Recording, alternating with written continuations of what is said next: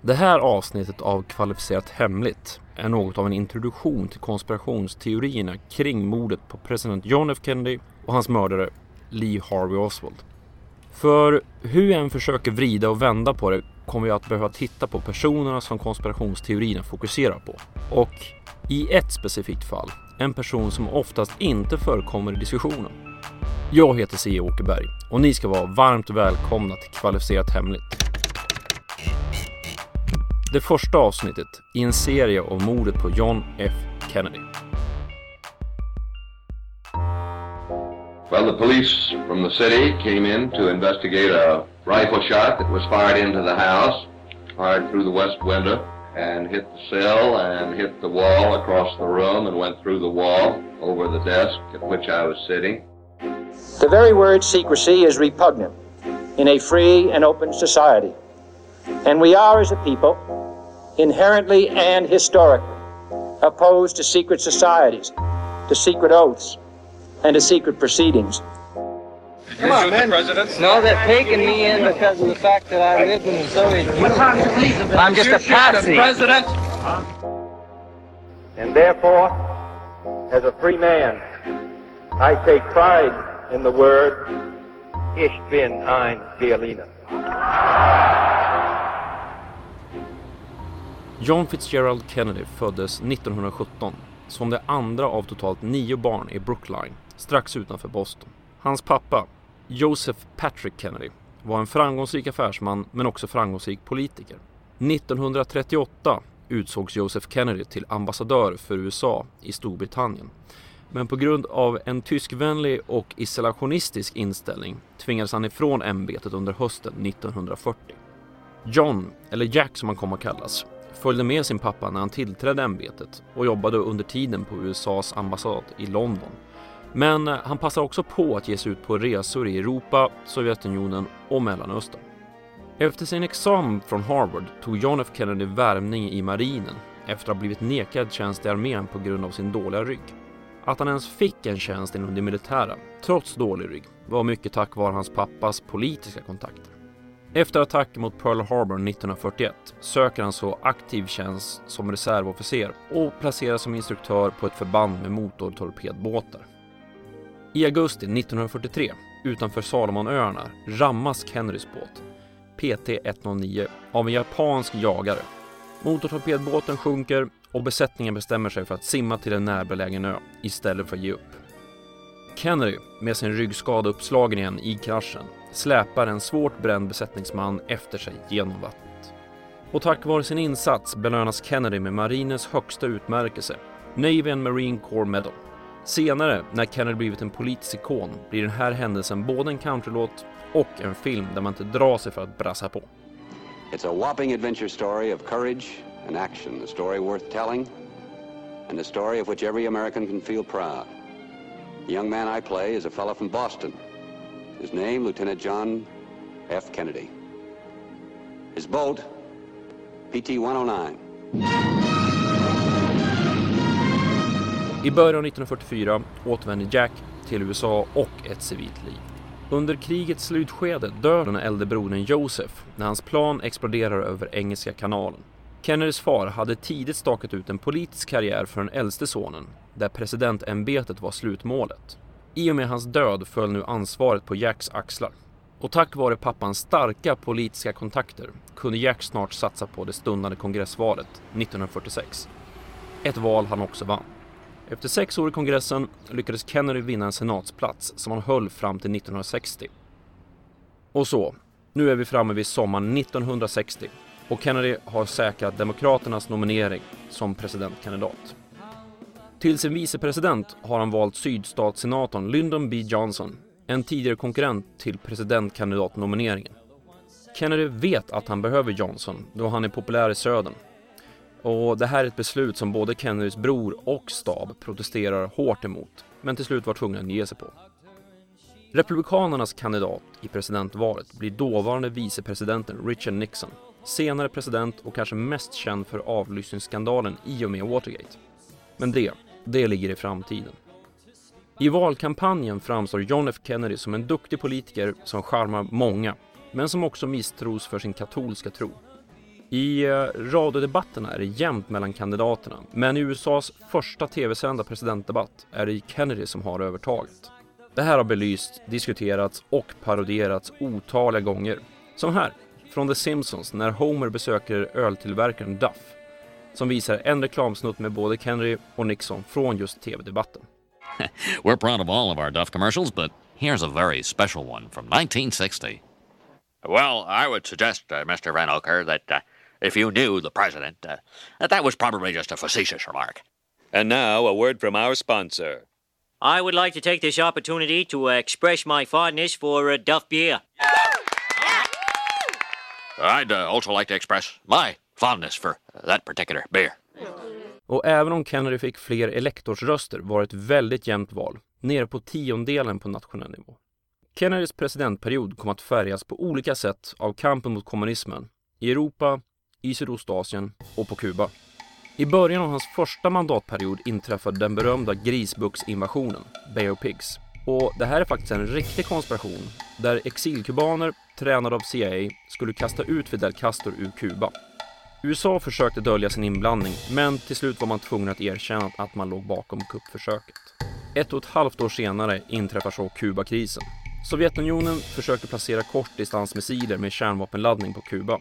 Något som upptäcks av amerikanska spaningsplan. Och USA sätter Kuba då i embargo och kräver att få inspektera sovjetiska skepp som försöker ta sig till ön. All ships of any kind bound for Cuba, from whatever nation or port, will, if found to contain cargoes of offensive weapons, be turned back. This quarantine will be extended, if needed, to other types of cargo and carriers. We are not at this time, however, denying the necessities of life. Tack vare intensiv diplomati mellan Sovjet och USA undviker världen ett tredje världskrig. Istället monterar man på Khrushchevs order ner missilerna på Kuba. Och i gengäld avslutar USA blockaden, men i hemlighet drar man också tillbaka missiler från Turkiet, som eftergift. Kennedy var också med om att försöka stävja kommunismens framfart i Sydostasien, och då främst i Vietnam. Diskussionen inom Kennedy-administrationen kretsade kring hur stor insatsen skulle vara och ju längre tid som den pågick uppstod frågan om det var värt att stanna kvar. Administrationen hade planer på att dra ner antalet rådgivare och militärer på plats, men det hann aldrig sättas i verket på grund av mordet på John F Kennedy.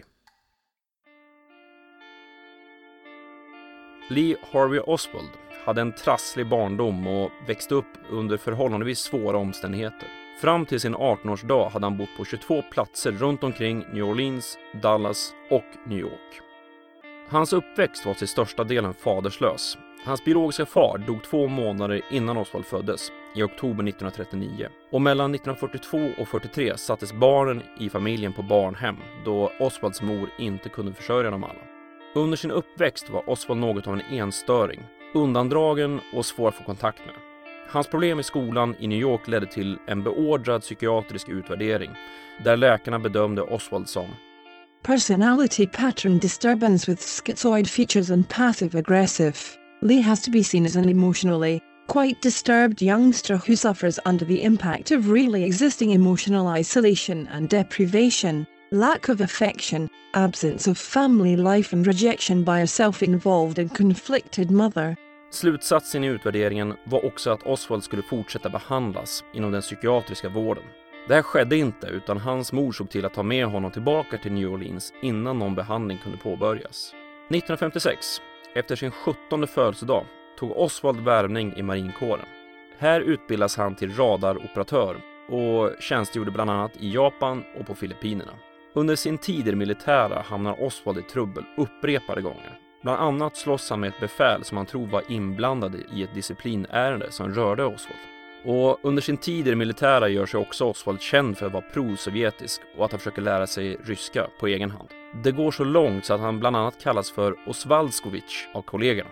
1959 avslutas hans aktiva tjänst på grund av att Oswald hävdar att han behöver vårda sin sjuka mamma. Men istället för att ta hand om mamman reser Oswald via Frankrike, England och Finland till Sovjetunionen. Där söker han medborgarskap, men nekas det omgående av myndigheterna. Upprörd och desperat skadar Oswald sig själv och tas in för psykiatrisk observation på ett Moskvasjukhus. Givet världspolitiken och den mediala bild av Sovjetunionen som finns bestämmer sig ansvariga myndigheter till slut för att ge Oswald medborgarskap och förflyttar honom till Minsk. Där får han jobba i en fabrik som tillverkar radio och tv-delar. Ganska snart börjar verkligheten hinna ikapp Oswald. Sovjetunionen ger honom inte den stjärnstatus han trodde han skulle få. Och istället faller han ner i en grå vardag och hans tankar går till ånger över hela avhoppet.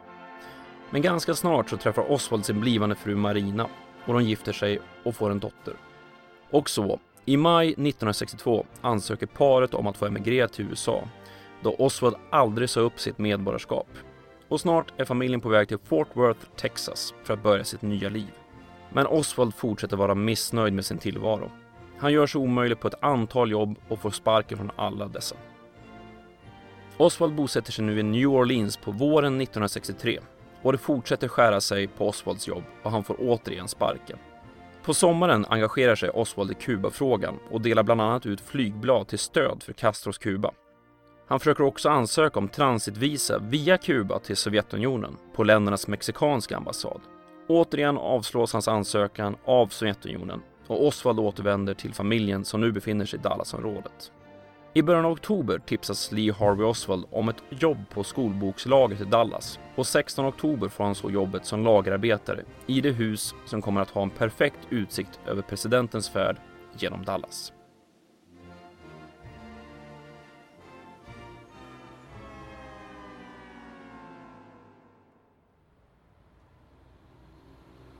Jack Ruby, född Jacob Leon Rubenstein, var en småkriminell nattklubbsägare i Dallas som bland annat drev den inte alltför framgångsrika klubben Carousel.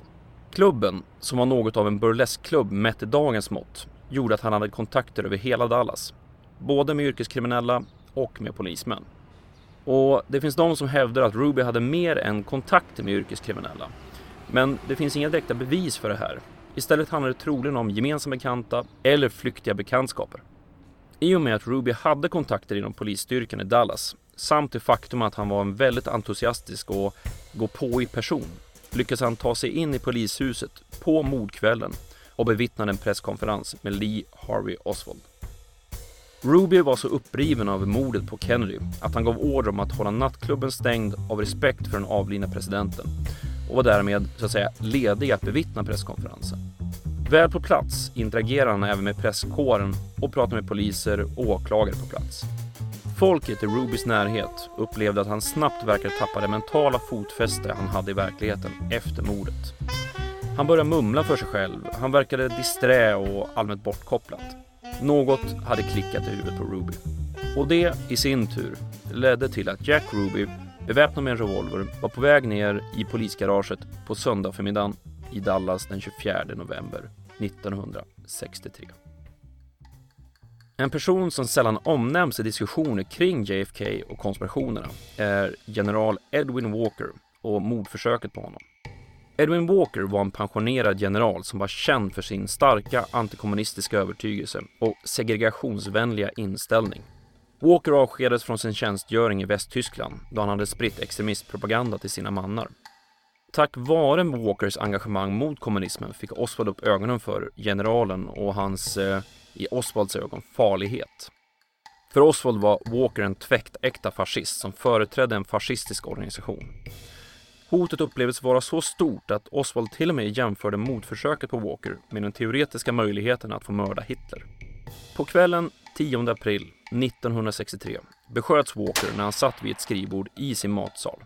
Kulan hade dödat generalen om det inte hade varit för att den först träffade fönsterkarmen varpå kulans bana ändrades. Istället skadades nu Walker bara i armen av den splittrade kulan. Det som binder Oswald till dådet är dels ett avskedsbrev han hade skrivit till sin fru och dels kulan som hittades vid brottsplatsen. Brevet skrevs i händelse av att han skulle gripas efter att mordet hade genomförts. Men frun hittade brevet först efter mordet på Kennedy. Det gevär som kom att avlossa de dödande skotten mot Kennedy hade Oswald köpt under namnet A. Hiddle dryga månaden innan mordförsöket på Walker. Kulan från mordförsöket var så pass skadad att inga ballistiska test kunde göras. Däremot utfördes neutronaktiveringstest på kulan. Dessa tester visade att det med absolut största säkerhet var en kula från samma tillverkningsomgång som de två kulorna som träffade president Kennedy. Kopplingen mellan Walker och Oswald var inte uppenbar för utredarna förrän efter Oswald greps för mordet på presidenten. Och den här kopplingen skulle visa sig bli allt mer viktig efter mordet på Oswald 24 november. Aktörerna är kända. Händelserna upp till 22 november 1963 klara. Vi befinner oss på morgonen av Kennedys sista dag i livet. Och det som kom att ske den här dagen färgade inte bara en nation under lång tid utan satte också igång en massiv konspirationsindustri där ingen detalj var för liten eller otrolig för att lyftas upp som möjlig teori. Strax innan 12.30 saktar kortegen ner vid Dealey Plaza för att klara av en första 90-graders sväng följt av en ännu skarpare sväng ut på N Street. Den här vägen placerar kortegen rakt framför boklagret. 12.30. Ett skott ljuder ut, följt av två skott i snabb följd. Kennedy och passagerarna framför honom i bilen, senator Connolly, träffas. Jackie Kennedy försöker ta sig ur bilen men sätter sig ner när en Secret Service-agent klättrar upp baktill på bilen. Kortegen kör nu i ilfart mot Parkland Hospital dryga 5 km bort. Strax efter detta stoppas Oswald på plan 2 i boklagret av en polis. Men då Oswald bekräftas vara en anställd på plats får han gå vidare och polismannen jagar uppåt i huset efter mördaren. Utanför boklagret tar Oswald en buss och tar sig till sin övernattningslägenhet. Där drar han på sin jacka trots det varma vädret och beger sig ut igen. Klockan är nu 13.03. Redan när presidenten anlände till sjukhuset kunde man konstatera att han var dödligt sårad och vid 13.00 lokal tid har presidenten dödförklarats på Parkland Hospital. Tack vare otydligheter i den federala lagstiftningen uppstår nu ett rejält bråk mellan Secret Service och lokal vårdpersonal samt polis huruvida presidenten ska obduceras på plats eller i Washington. Till slut tar sig Kennys följe ut handgripligen med kistan för att ta sig till flygplatsen. De män som jag berättar om i det här avsnittet kommer alla spela vitala roller kring vad som kom att ske under mordet på John F Kennedy. Och den här dagen, teorierna och vad som verkligen hände, ja, det är det dags för att berätta om i nästa avsnitt av Kvalificerat Hemligt. Du har lyssnat på Kvalificerat Hemligt, en poddradio om konspirationsteorier och vetenskap. Länkar till musiken, videoklipp och annat som nämns i programmet återfinns på programmets hemsida, khpodden.se. Jag heter C. Åkerberg och tack för att du har lyssnat.